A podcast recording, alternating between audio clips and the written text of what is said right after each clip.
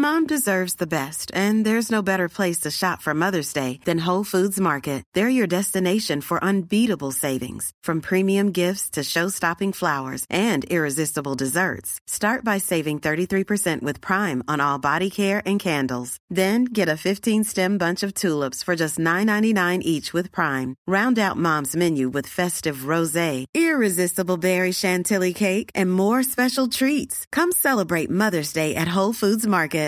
Ready to pop the question? The jewelers at BlueNile.com have got sparkle down to a science with beautiful lab grown diamonds worthy of your most brilliant moments. Their lab grown diamonds are independently graded and guaranteed identical to natural diamonds, and they're ready to ship to your door. Go to BlueNile.com and use promo code LISTEN to get $50 off your purchase of $500 or more. That's code LISTEN at BlueNile.com for $50 off. BlueNile.com code LISTEN. Hey, it's Danny Pellegrino from Everything Iconic. Ready to upgrade your style game without blowing your budget? Check out Quince. They've got all the good stuff shirts and polos, activewear, and fine leather goods, all at 50 to 80% less than other high end brands. And the best part? They're all about safe, ethical, and responsible manufacturing. Get that luxury vibe without the luxury price tag. Hit up quince.com slash upgrade for free shipping and 365 day returns on your next order. That's quince.com slash upgrade.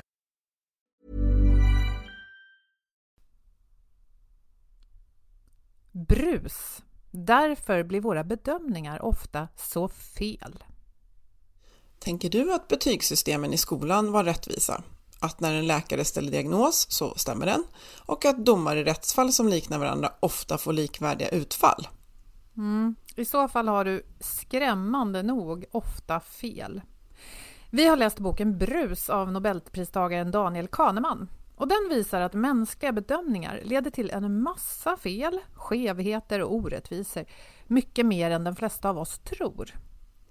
Ja, alltså jag hajar ju till själv i det jag säger i inledningen, men vi ska inte tappa sugen för det, för att idag så ska vi gå igenom för hur det här fungerar. Och självklart sitter vi på alla lösningar, nej jag skojar. Men självklart vad vi kan göra för att se till att de här problemen eh, påverkas och gör någonting åt dem.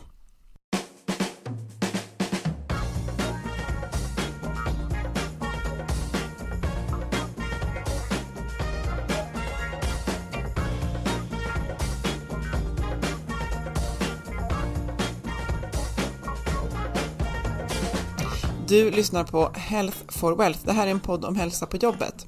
Människor som mår bra, de kan prestera bra. Så hänger det ihop. Det handlar ofta om bra samarbeten, att få till dem. Och sen att se till att alla har en tydlig riktning och frihet att agera självständigt. Dessutom behöver vi förstås trygga ledare som har tid att vara ledare.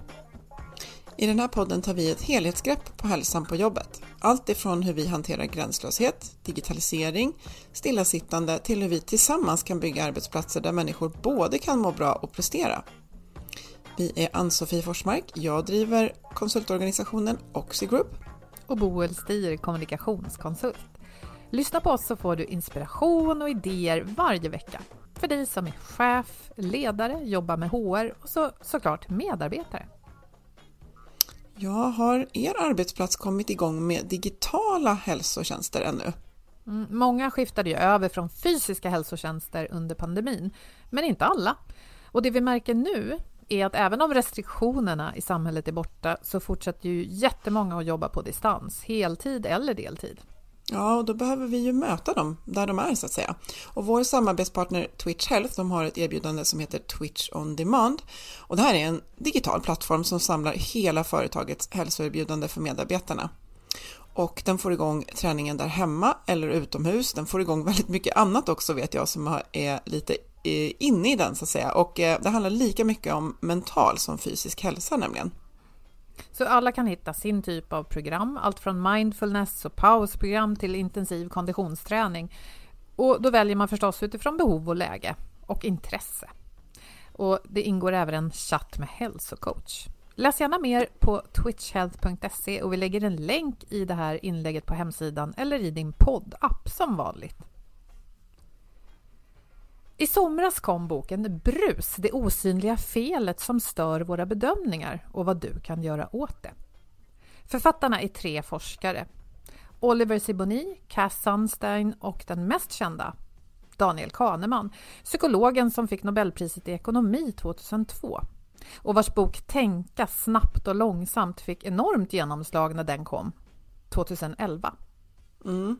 Och en av de andra författarna, Cass Sunstein, han har tillsammans med en annan nobelpristagare, Richard Thaler, det är en av mina favoriter, myntat begreppet nudging och det har vi pratat tidigare om i podden.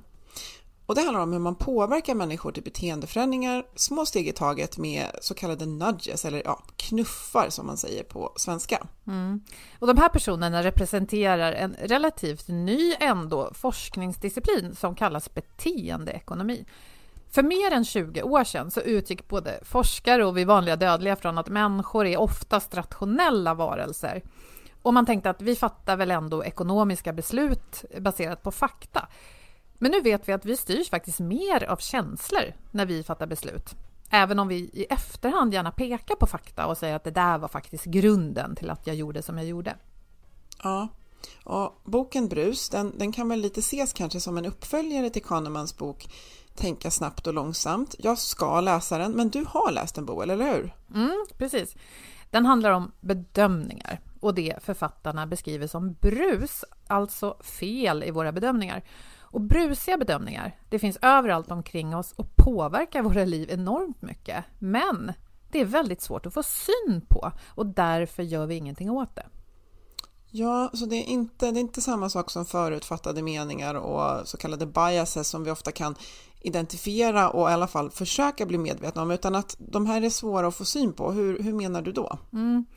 I boken så förklarar de det här ganska bra med ett exempel med en rund piltavla. Om vi tänker oss då att mittpunkten är målet, man vill helst träffa mitt i. Och så får vi se resultatet av en grupp människor som har skjutit i form av prickar som fördelar sig över den här piltavlan. Och I ett exempel så ser vi att de flesta skott har hamnat lite till vänster om och nedanför mitten. Så även om skyttarna här i det här fallet har presterat olika så finns det tydligt mönster i vad de har gjort för fel. Deras fel har gått i en och samma riktning. Och det här är ett exempel på det som kallas för bias. Mm. Och så här skulle det alltså kunna se ut om en organisation rekryterar fler män än kvinnor till exempel, trots att det finns gott om både kvinnor och män med rätt utbildning och erfarenhet till exempel. Ja, precis. Och, och bias, sexism, rasism, olika former av diskriminering, det är ju något som vi, vi ser omkring oss och det är ett problem. Men vi diskuterar också. Och vi ska ju, ja, det är lättare att få syn på. För om man tänker sig då den här gruppen av fel skott som inte hamnade mitt i, om de grupperar sig så här tydligt så kan vi se att det är någonting vi behöver göra för att sikta om då, för att göra rätt. Eh, men, men bruset då, det är väldigt svårt att få syn på. Men hur kan vi då definiera brus? Mm. Och tillbaka till piltavlan, om vi tittar på ett exempel med brus istället, då skulle det vara att skyttarnas resultat det sprids ut jämnt över hela piltavlan. Så det finns en massa fel, eller åtminstone avsaknad av pricksäkerhet, men det går inte att förklara på ett enkelt sätt. Vi kan inte säga till alla att om de siktar lite högre upp och till höger så blir det bättre ostrukturerade fel där man inte kan peka på en orsak. Så att svaret blir ju ganska eh, komplext. Det beror på många variabler, komplexa situationer. Det har vi poddat om tidigare också, så det, det, det, hänger ihop lite med det här. Nej men absolut, och det har ju med så många olika saker att göra det här. Domare, försäkringshandläggare, lärare, läkare, alla, vi alla egentligen, påverkas ju av om de är hungriga eller mätta om det är soligt eller molnigt. Det är till och med så att domare i en studie visade sig bli mer generösa om det lokala fotbollslandslaget hade vunnit en match nyligen. Ja, och jag tänker att det här kan ju vara faktorer som man skulle kunna identifiera. Man kan inte göra så mycket åt vädret kanske och man måste jobba. Eh, vi har också hört om den här fredagseffekten eller måndagseffekten till exempel och, och tyvärr så kan vi inte bara göra vissa saker vissa dagar alltid. Så att det blir ju väldigt rörigt. Men, men visst går det att försöka få en bild av det här bruset, vad det är som styr vad ändå? Mm, precis, för innan man kommer till vad vi kan göra så Eh, är ju författarna noga här med att försöka bryta, inte bara försöka, de bryter ner bruset i många typer av brus för att vi ska förstå vad är det för olika varianter som finns här som skapar bruset. Och då finns det något som heter nivåbrus och det kan man se som inom eh, juridiken till exempel. Att en del domare är strängare än andra. Vi tolkar skalor olika. Så även om vi har tydligt definierade skalor så tycker en del att ja, det strängare straffet ska delas ut oftare. Och andra tänker annorlunda då. Mm. Och sen finns det mönsterbrus och då kan det vara så här att även om en domare generellt är strängare än andra och oftare delar ut ett högre straff så kan den personen ömma särskilt för en viss grupp människor. Det skulle kunna vara kvinnor eller människor med låg inkomst eller vad som helst. Och då blir det ett mönster för just den domaren. Och så till mm. slut då situationsbrus, det är sånt där som jag nämnde att ja, väder, om fotbollslandslaget har vunnit eller förlorat. Och då visar det sig att i många studier eh, som de eh, refererar till i boken så visar det sig att när det är varmt ute så minskar chansen att du ska få asyl. Och det visar en studie som pågick under fyra år. Och jag gissar då att det här, det är ju amerikanska siffror, mycket av det här. Och då kanske det handlar om eh, delar av USA där det är väldigt varmt när det är varmt. Just det, precis. Det var inte norra Sverige här. Nej, men skämt åsido, det, det, blir, det blir ju liksom helt galet. Och jag tänker att ja, nu har ju du nu har vi ett exempel här på några faktorer som man skulle kunna vara medveten om, men, men vi har ju, det är ju bara exempel för att det, man får ju känslan av att eh, det kan ju vara massa då faktorer som påverkar. Hur ska vi kunna styra dem? Man kan ju inte till exempel se till att alla domare ska vara mätta och pigga när de gör sina bedömningar, även om ja, man, just kring det skulle man kunna känna igen sig själv. Men som sagt, mm. det är mm. så mycket olika faktorer. Det här var kategorier som vi gav exempel på. Mm. Eh, vad, vad, vad, gör man? Nej, men precis. Om jag bara stannar till vid det här med mätt och pigg. Alltså, vi kan ju inte bara jobba en timme på morgonen efter frukost och när Nej. vi precis utsövda och sen kanske en timme till efter lunch. Och det har ju inte bara med yttre faktorer att göra det här. Det visar sig också att bedömare resonerar lite så här, att nej, nu har jag sagt nej till två asylsökande. Nu är det nog dags att säga ja till nästa fall här. Mm. Alltså en känsla av rättvisa som inte baseras på fakta. Och I boken så visar de på studier då som, som eh, också visar på att asylprocessen i USA, den är i stort sett som ett lotteri. Eh, en studie av asylmål som fördelades slumpmässigt på ett antal domare visade att en domare beviljade 5% av alla ansökande asyl medan en annan beviljade 88% Det är ju flyktingroulette. Men det intressanta är ju, när jag började läsa det här så tänkte jag att oj, det här det måste vara ny forskning och det här har väl ingen känt till förut, men nej, det här är gammal forskning. Och kognitionsvetare och psykologer antar jag har känt till det här länge. En studie som man gjorde i USA redan på 70-talet visade att den rättsliga påföljden för ett bankrån kunde variera mellan ett och tio års fängelse. Och, och, straffen i utpressningsmål varierade mellan 65 000 kronor i böter och 20 års fängelse. Alltså, eh, det är ju fruktansvärt. Samtidigt tänker jag så här att eh, det börjar byggas en bild i huvudet, men vi, vi, kommer till det, att man ändå skulle kunna känna sig själv i, i det man gör. Jag är domare, jag, är, jag sitter med asylärenden. Eh, vad, vad, är, vad är liksom grunden till att jag fattar det beslutet? Men eh, som sagt, man tänker ju då att just med bakgrund i det så borde ju många institutioner ha regler och processer. Jag tänker också på AI nu för tiden för att sånt här inte ska kunna hända, att alla ska kunna bedömas lika. Mm. Men, men uppenbarligen inte då om det här har varit känt länge och då pratar om en studie från, från 70-talet. Mm. Nej, men det är intressant. Den här studien från 70-talet, den ställde till med en hel del rabalder när den kom. Den beskrivs i boken. Och då mm. gjorde man en massa justeringar inom det amerikanska rättsväsendet för att just styra mer eh, totalen. Alltså att helt enkelt att varje individ skulle inte få lika stor frihet i bedömningen. Men vad man kan tänka sig hände då, eh, hände att domare och även andra protesterade och tänkte att nej, men det här blir inte rättvist. Och här tycker jag vi kommer till en, en så här intressant, vad ska man säga, inte dilemma utan en sån här skärningspunkt på något mm. sätt mellan olika sätt att agera och tänka. Om du behövde söka någon typ av socialt stöd, Ann-Sofie, du var liksom på, på ekonomins bristningsgräns, du klarade inte att sätta mat på bordet till dina ungar och så och behövde söka, mm. Eh, ja, söka till socialen. Om du då matade in information i någon slags AI-system där du aldrig hade kontakt med en människa. Frågan är hur det skulle kännas då om du fick avslag till exempel.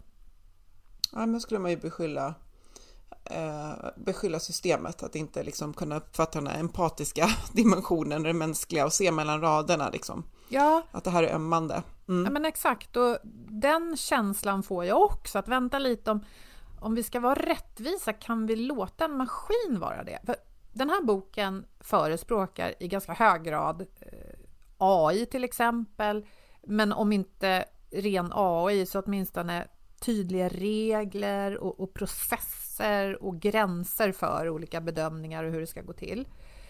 Men vad man måste ta i beaktande och som eh, författaren också säger, det är att vi upplever inte alltid processer som riktiga och rättvisa om vi inte blir lyssnade på av en riktig människa. Om det inte någonstans finns en människa som gör en bedömning. Och vi kan också tänka oss att AI-lösningar kan skena riktigt tokigt om inte mm. människor någon gång ser över dem. Men, men om vi går tillbaka till den här studien från 70-talet, gjorde man en del förändringar, men det blev protest. Och så man fick backa på det. Och även om det sen visade sig statistiskt att det blev mindre rättvist och mm. mer sånt här brus i systemet, så lät man det faktiskt vara så. Och jag kan tycka att det är lite konstigt att vi då, samhället, inte har gjort mer åt det här problemet när det ändå varit så känt. Nej, men jag tänker att om man tänker med förutfattade meningar så kan man ju, om man pratar om dem så kan man säga, ja det här, det här kommer att skölja över mig, det kommer att drabba mig. Och då tänker jag att det är samma med, med brus, att prata om att, så att vi kommer det här, det här är jättekomplext, vi kommer inte få bort det, men, men, men det måste ju ändå förenkla att medvetengöra vad brus är eh, och att prata om vad skulle brus kunna vara i vår arbetssituation. Eh, Verkligen. Ja, Ja, men det tycker jag är en, en, diskussion som jag hoppas också att man tar den diskussionen i många organisationer. För eh, någonstans handlar det ju om att vi människor måste förstå att vi inte är så rättvisa. För det är ju ofta så att om man läser sånt här så tänker man att det var 17 att, att domare tänker så olika eller att läkare mm. tolkar en röntgenbild så olika. Men det sitter väldigt långt in och tänka att ja, men jag kanske också är orättvis och väldigt ojämn i mina bedömningar. Men det är precis det vi måste inse att vi är. Att vi är också, ja precis, vi pratar om det här som att det är andra, men, upp, men det drabbar oss själva och att om världen är så där brusig som boken visar, då, då är vi ju utsatta för väldigt mycket slump och orättvisa, väldigt många frågor. Eh, en, en, en, sak jag tänker på där, det är ju det här med att man, med att kunna överklaga massa saker, att eh, ha ångerrätt på saker man köper och att kunna eh, ta tillbaka beslut man har fattat själv, be om ursäkt, det är ju faktiskt saker som på olika nivåer ja, men jag kanske är jättebrusig just nu och så ställer du tillbaka en fråga, men menar du verkligen det här? Och så är jag i en annan situation då, mätt och nöjd och solen skiner och kan titta på beslutet och känna att nej, du har faktiskt rätt där. Att, mm. Ja, jag gör en annan bedömning just nu. Det där är ju superviktigt. Second opinion, både för sig själv och i olika situationer. Ja, precis. Och du pekar på en viktig lösning på det här problemet. För, för förutom då att vi själva måste förstå att vi inte är perfekta, den är ju jätteviktig. Det, det visar sig att den som har en, en öppenhet i synen på både omvärlden och sig själv, som är öppen för att, att ja, jag kanske gör fel och är öppen mm. för kritik eller granskning och liksom gärna vill bidra då till att göra saker bättre. Mm. Den presterar ju också bättre över tid om vi pratar om att vara brusfri eller så brusfri som möjligt. Men sen, ja, men sen också det här du sa att, att man kan överklaga och man kan återkomma. Eh, en annan del av lösningen är just att eh, det finns någonting som heter massans intelligens. Alltså i boken så är det väldigt tydligt att gruppbeslut kan vara väldigt dåliga, alltså producera mm. enormt mycket brus, men kan också hjälpa oss att undvika brus på två olika sätt. Så det ena är massans intelligens. Så om vi ska fatta ett beslut, ja men vi kan tänka oss att det är någonting eh, av de här viktiga områdena vi har pratat om. Det kan handla om eh, vård, att någon, mm. en person ska få rätt vård, leva längre. Eh, att barn ska få rätt betyg i skolan. Eller att vi ska bli liksom, rättvist behandlade i, i rätten. Då visar det sig att om många människor är med och gör en bedömning, då hamnar vi ofta på ett medelvärde som är ganska nära det vi då betraktar som rätt.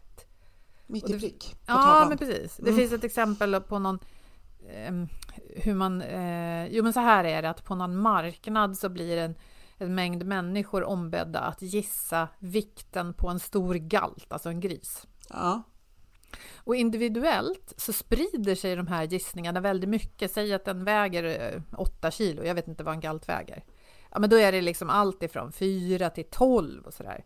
Men om man slår ihop alla de här gissningarna så kommer man väldigt nära vad den faktiskt väger.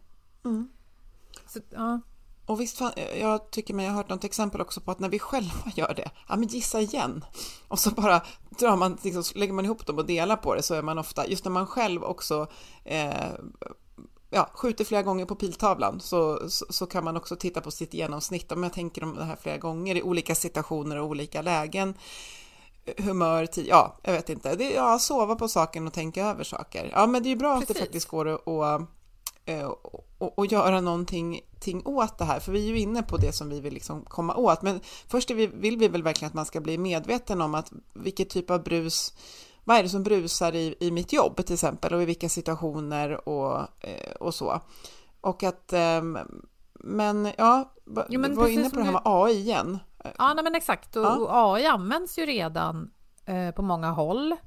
Eh, jag vet faktiskt inte om vi använder det i vårt juridiska system i Sverige, men i USA använder man det och jag vet att det har blivit vanligare och vanligare i rekryteringssammanhang.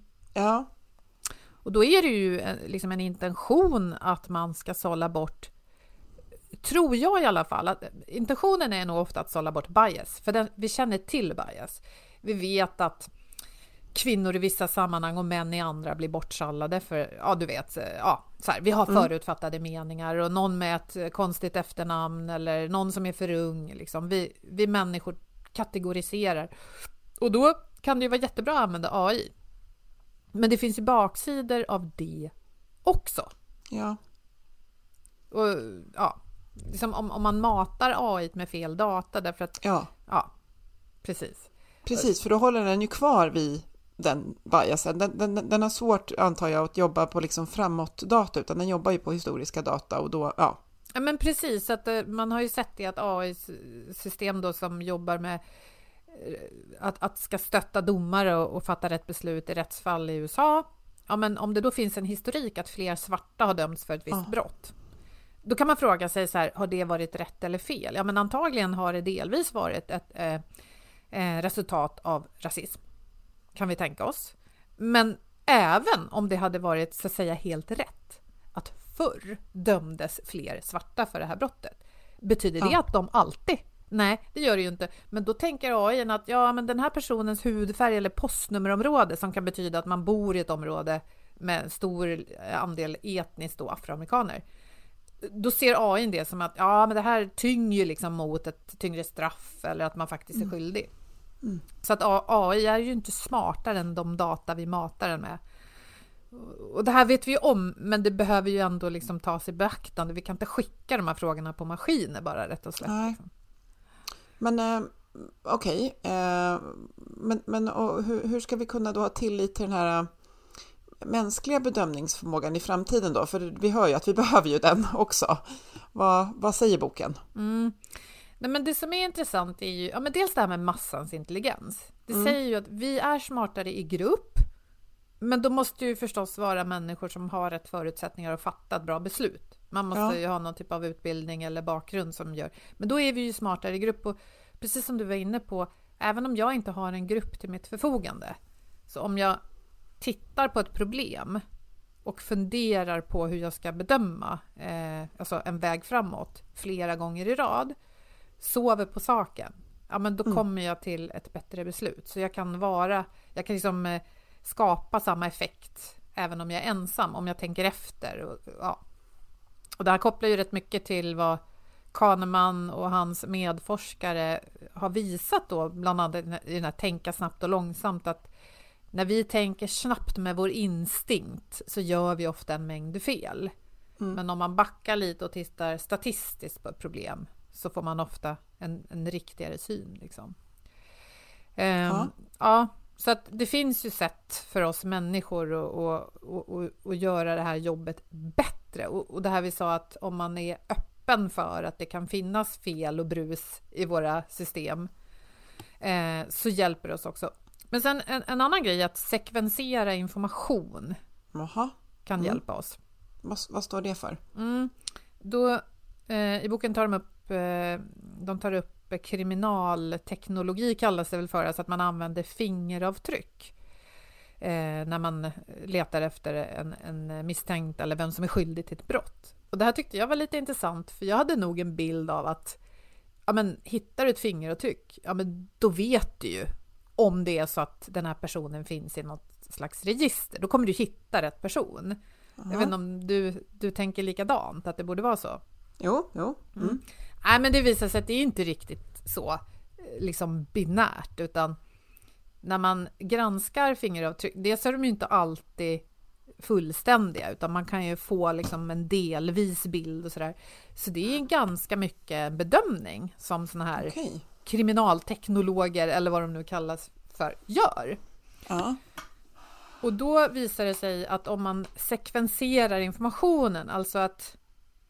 Ja, men säg så här, om du jobbar med det här och så får du ett fingeravtryck framför dig och så säger jag som lämnar informationen till dig att ja, allting pekar emot att det är den här misstänkte som bor i det där området och som befann sig nära när det skedde. Så att, mm, bara så du vet. Om det då är lite otydligt eh, vems fingeravtryck det är och du faktiskt kan välja på två personer och en av dem är den jag har pratat om, då kanske jag påverkar din bedömning. ja, just det. Mm. Och då är det inte alls så digitalt, utan då fälls fel person. Mm. Det skulle om- låta som lite det här, alltså objektiv, ta in, försöka ta in objektivt snarare än subjektivt också, om man kopplar det till en, en situation på, på en vanlig arbetsplats. Att, eh, precis, försöka neutralisera det där intrycket från dig och titta på det objektivt. Exakt, så jag ska inte alls ge dig någon kringinformation, du ska bara få det här fingeravtrycket. Ja, Och när du har tittat på det och vad det eventuellt matchar, då går vi vidare med annan information som har med fallet att göra. Så att man delar upp saker och ting. För att vår, Mm. vår mänskliga hjärna vill ju göra de här helhetsbilderna och berättelser. ja se mönster och Mm. jag tänker lite på exemplet där med att ja, men nu har jag sagt ja fyra gånger i rad, då borde jag ju säga nej nu på den Mm. här femte. Vad är, vad är rim och reson här? Men att om jag gör så här, då kommer jag titta på det här femte tillfället isolerat istället, för det har ju ingenting med att göra med hur de fyra såg ut innan liksom. Nej, nej men exakt. Att dela upp informationen i delar, det hjälper oss att, att fatta bättre beslut. Och även det här att grupper som vi sa då, kan vara väldigt kloka när, när vi gör eh, beslut tillsammans och tittar på medelvärden. Men det kan också vara så här att chefen samlar oss i ett rum och säger så här, ja men det här är problemet och nu ska vi hitta en lösning och själv tror jag nog mycket på lösning nummer fem här, vad tycker ni? Mm, det är lite groupthink också som vi gärna vill undvika. Mm. Exakt, för då, Mm. då har ju hon eller han styrt oss mot att ant, ja, men antingen så här, jag gillar chefen eller jag vill att chefen ska gilla mig. Jag Ja. går hennes väg. Ja. Men det kan också vara så här, jag hatar chefen. Jag tänker välja något annat. Ja, och ingenting är bra grund, grunder för beslut, vilket fall. Ja, Nej, men ja, men det där tänker jag är, är, är, är nog, jag, jag kan verkligen tänka exempel på det jag just ska göra sådär, att försöka Eh, jag ser den här anslagstavlan, reklamen för mig också, där jag rensar bort allting som stökar och bara titta på det här isolerat, just den här sekvensen i mitt beslutsfattande. För att, eh, som du säger, hjärnan vill ju säga, ja men det där hände ju nyss och då Mm. borde ju det här liksom eh, hända nu. Kommer på, ja, mm. Ja men exakt, Eh, det är, men ju- sen- förlåt, Ja, men det är också det här Nej. om vi vet att vi letar efter mönster och berättelser med våra hjärnor och vi vet att vi liksom inte alltid gör det jobbet så bra så kan vi ju aktivt backa och tänka hör det där ihop eller har jag liksom hittat på det? Ja, och det här finns ju så, ja, det finns ju mycket sidospår på det här med just att, eh, ja men eh, om man är liksom, ja men mitt lyckonummer är 11 och jag tycker att jag ser siffran 11 jättemånga gånger, men det är ju för att min hjärna är ju programmerad på att leta efter siffran 11 och får jag den i något, ja, det här betyder, det här är tur. Ja, är men bra. eller hur? Ja. Ja. men Ja. Det, exakt, och vara medveten om det. Och jag tänkte på, vi som poddar om eh, att göra rätt på jobbet, det handlar ju också om att organisationer ska alltså, dels göra verksamhetsprocesser Ja, smarta, men också fatta de här strategiska besluten som man kanske bara fattar någon gång om året riktigt, riktigt bra. Då ska man ju akta sig för den här grupppolariseringen då, att Ja. jag gör som chefen eller jag gör tvärtom. Mm. Och det smartaste då är ju att så här, okej, okay, här är problemet. Nu Ja. tänker alla individuellt på olika lösningar, skriver Ja. ner dem för sig själv utan att prata med någon. Sen samlas vi till en diskussion och så kan vi lyssna på varandra. Men då ska man också berätta vad man tänkte själv. Mm. Och där får vi börja påverka varandra. Men då gör vi det med massans intelligens istället för att bara följa eller säga tvärt emot. Och sen då efter den diskussionen så gör vi en ny bedömning var och en för sig. Och där säger författarna också att det här med intuition, Ja. det är ju någon slags snabbt tänkande som liksom kommer för oss som en, en magkänsla, så här, men det här, det här känns rätt. Och det, det leder oss ofta fel. Men om vi har en massa kunskap och erfarenhet så kan ju intuitionen vara ett bra redskap. Ja, det här är ju, eh, finns ju en bok som heter Magkänslans intelligens som jag håller på att läsa och den är helt underbar. Där det här verkligen eh, i vissa fall liksom räddar liv. Men precis lika bra som det kan vara så kan det också leda oss fel.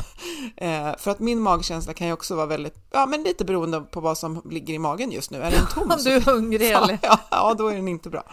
Exakt. Så, så intuitionen säger i alla fall författarna, den ska man släppa in sist. All right. Mm.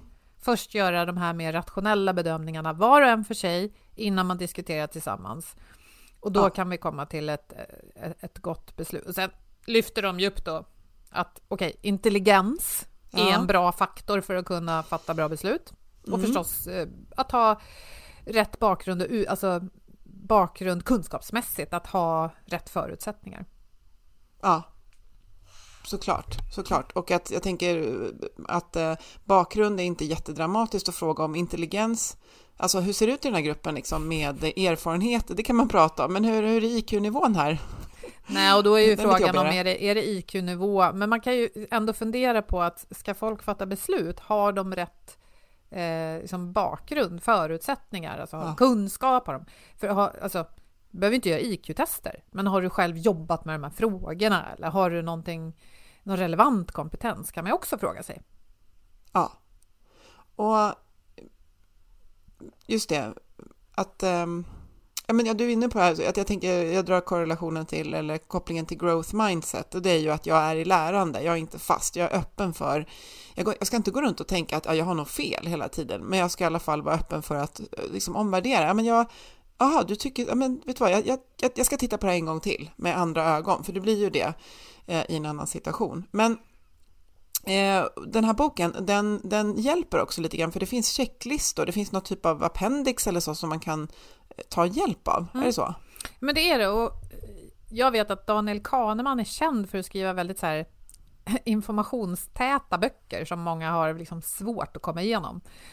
Och då är min rekommendation att man, man behöver faktiskt inte läsa hela boken om man inte har tid eller orkar. Men man kan använda de här checklistorna längst bak. För då visar de eh, till exempel hur en brusinventering går till. Vi sa ju i början att bruset syns ju inte. Nej. Alltså bias syns om vi, om vi granskar rättsfall, även där behöver vi ju ofta ta till statistik kanske. Alltså vi granskar rättsfall eller hur man blir bedömd i skolan och så ser vi så här, okej, eh, människor med en viss hudfärg eller människor med ett visst kön så här, eh, sållas bort eller blir sämre behandlade. Men då, då ser vi att vi har ett problem. Om vi inte tror att alla de människorna liksom eh, är svårare att rädda i vården eller är liksom mindre rustade att kunna få bra betyg och sådär. Men, men bruset syns ju inte och därför så rekommenderar de att man gör en, en brusinventering. Men det intressanta är att här, här höjer de också ett varningens finger och säger brus finns överallt, men det är kostsamt att göra en brusinventering. Så gör det bara i sammanhang där man tror att det kan, alltså att, att det kan leda till något viktigt. Så att om det handlar om hur vi sätter ihop vår, eh, våra middagar där hemma kanske man inte behöver göra en brusinventering. Men de här viktiga strategiska besluten för företags framtid och, och hur processer fungerar i, du vet, vården och Ja, Ja. herregud. Ja, där skulle man ju kunna tycka att det är ganska värt. Nej, men då, Ja. då finns det en metodik som de delar med sig av. Hur man inventerar brus och det handlar om att eh, tänka statistiskt och så vidare. Så det, det finns i boken. Ja. Sen säger de också att man kan i vissa så särskilt viktiga processer som kanske pågår bara under en viss tid, som säg då en ledningsgrupp som ska fatta ett beslut om företagets framtid. Där kan man ta in en beslutsobservatör. Mm. En extern eller en intern som, som är liksom den här... Vad heter den här personen som säger... Eh, är det memento mori? Det är någon som viskar i, i Caesars... Nu är jag i det gamla Rom här. Det är någon som viskar i, i någon stor krigares öra att även du är dödlig. Vet du vad jag menar då? Ja, det här är ju stoikernas, eh, ett av deras ledord, memento mori. Men, men jag är så dåligt bevandrad i Ja, men vi säger att det är memento vi säger att det var så. För, för jag tror mm. att det betyder ja. att kom ihåg att, att du är dödlig. Ja, ja det betyder absolut. Men ja. vem det var som sa det, det... Ja, men det ja. minns inte jag heller. Men, men det är typ så här att när stora... Det kanske inte är själva Caesar, alltså kejsaren, utan det är någon stor så här, krigsherre som har vunnit mm. ett slag och så blir mottagen som en hjälte i sin hemstad när alla då står och hyllar så har man också någon som viskar så här, även du är dödlig. Det handlar lite grann om att ja. inte, att, att se, se sina egna fel och brister och inte bli så här eh, maktgalen och tänka, för, för, för, det här tror jag ändå att många med makt behöver ta till sig, därför mm. att personer med makt är också stressade och pressade och har ont om ja. tid. Ja. Och vi vet ju att om de inte tar sig gott om tid och se till att beslut fattas på ett bra sätt, ja men då kan det gå lite fort. Ja. Och, mm, ja. Det kan bli stora effekter som du säger jämfört med att det blir kaos på onsdagsmiddagen kontra, kontra lite större. Så att precis som i vissa fall så är det, alltså det är jobbigt att göra en brusinventering men det kan vara så otroligt värt om det är beslut som har stor påverkan och som vi ska fatta många gånger. Eh, och så. Och jag, jag tänker vad Eh, som sagt, vi började ju ganska dramatiskt och negativt. Jag vill ju inte gå till doktorn. Och, du, är det här eh, liksom, eh, är du bruspåverkad nu? När vi, alltså det, ju, det kan ju kännas riktigt allvarligt, men vad, eh, mm. vad, vad, vad, kan vi ta med oss? Vi är inte så bra på att göra bedömningar. Nej, och det, jag tycker att det är, på ett sätt är det otroligt skrämmande, för att då inser ju jag när jag läser den här boken att, ja men kommer mina barn att få rättvisande betyg med sig ut i livet? Kommer eh, jag, när jag uppsöker vård någon gång här i framtiden och kanske är liksom rädd för min överlevnad, kommer man att hitta den här cancerknölen snabbt då? Eller mm. är det så att, mm. inte vet jag, jag är kvinna eller läkaren eh, var hungrig? alltså ja. det, det, blir väldigt skrämmande.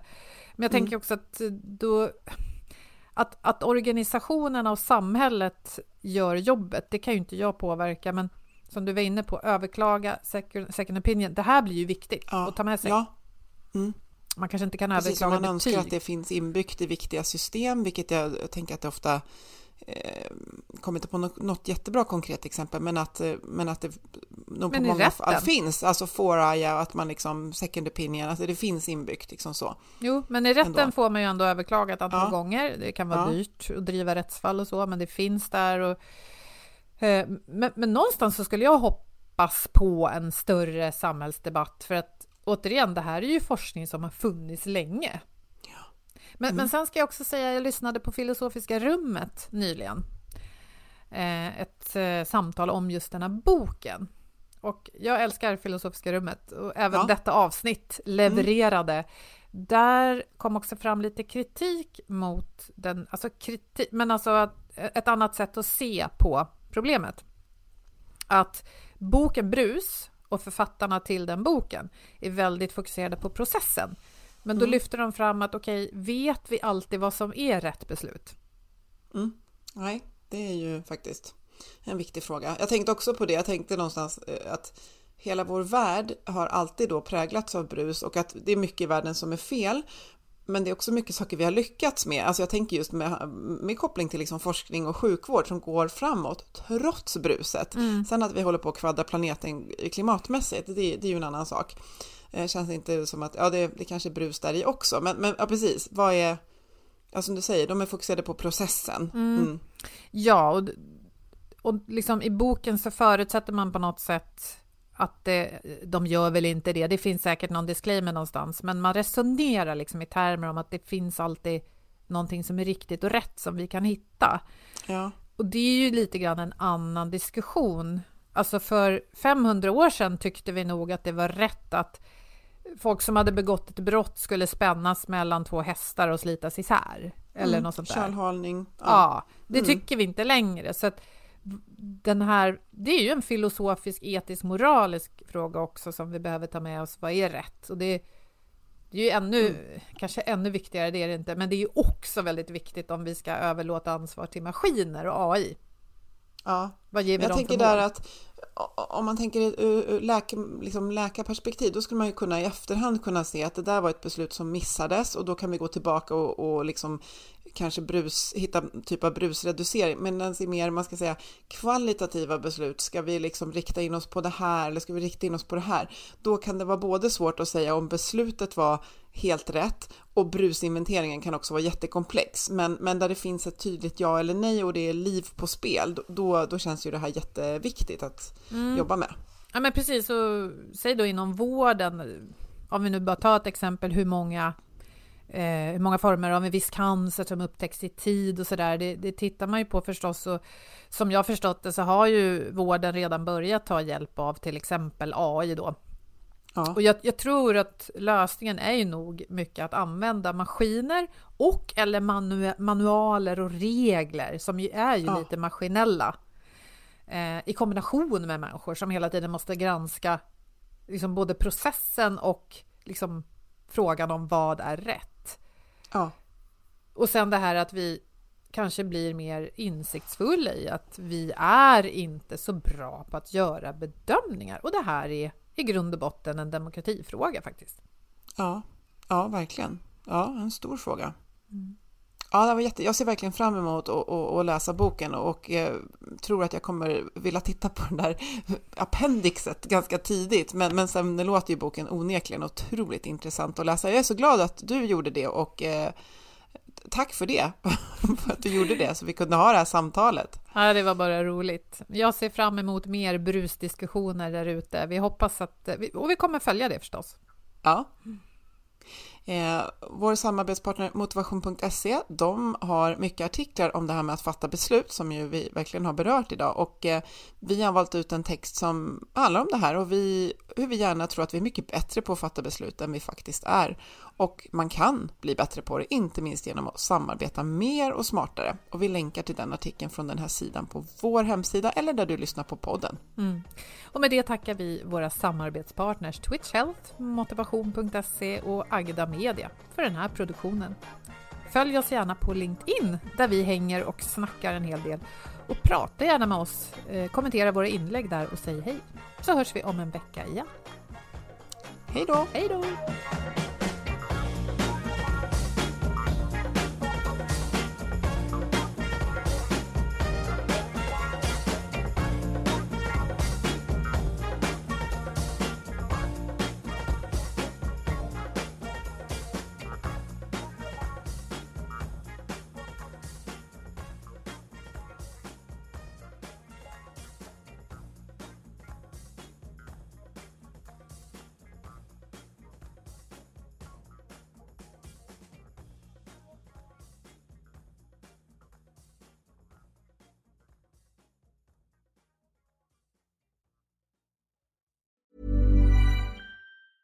Mom deserves the best, and there's no better place to shop for Mother's Day than Whole Foods Market. They're your destination for unbeatable savings, from premium gifts to show-stopping flowers and irresistible desserts. Start by saving 33% with Prime on all body care and candles. Then get a 15-stem bunch of tulips for just $9.99 each with Prime. Round out Mom's menu with festive rosé, irresistible berry chantilly cake, and more special treats. Come celebrate Mother's Day at Whole Foods Market. Hey, it's Danny Pellegrino from Everything Iconic. Ready to upgrade your style game without blowing your budget? Check out Quince. They've got all the good stuff shirts and polos, activewear, and fine leather goods, all at 50 to 80% less than other high end brands. And the best part? They're all about safe, ethical, and responsible manufacturing. Get that luxury vibe without the luxury price tag. Hit up quince.com slash upgrade for free shipping and 365 day returns on your next order. That's quince.com slash upgrade. Mom deserves the best, and there's no better place to shop for Mother's Day than Whole Foods Market. They're your destination for unbeatable savings, from premium gifts to show-stopping flowers and irresistible desserts. Start by saving 33% with Prime on all body care and candles. Then get a 15-stem bunch of tulips for just $9.99 each with Prime. Round out Mom's menu with festive rosé, irresistible berry chantilly cake, and more special treats. Come celebrate Mother's Day at Whole Foods Market.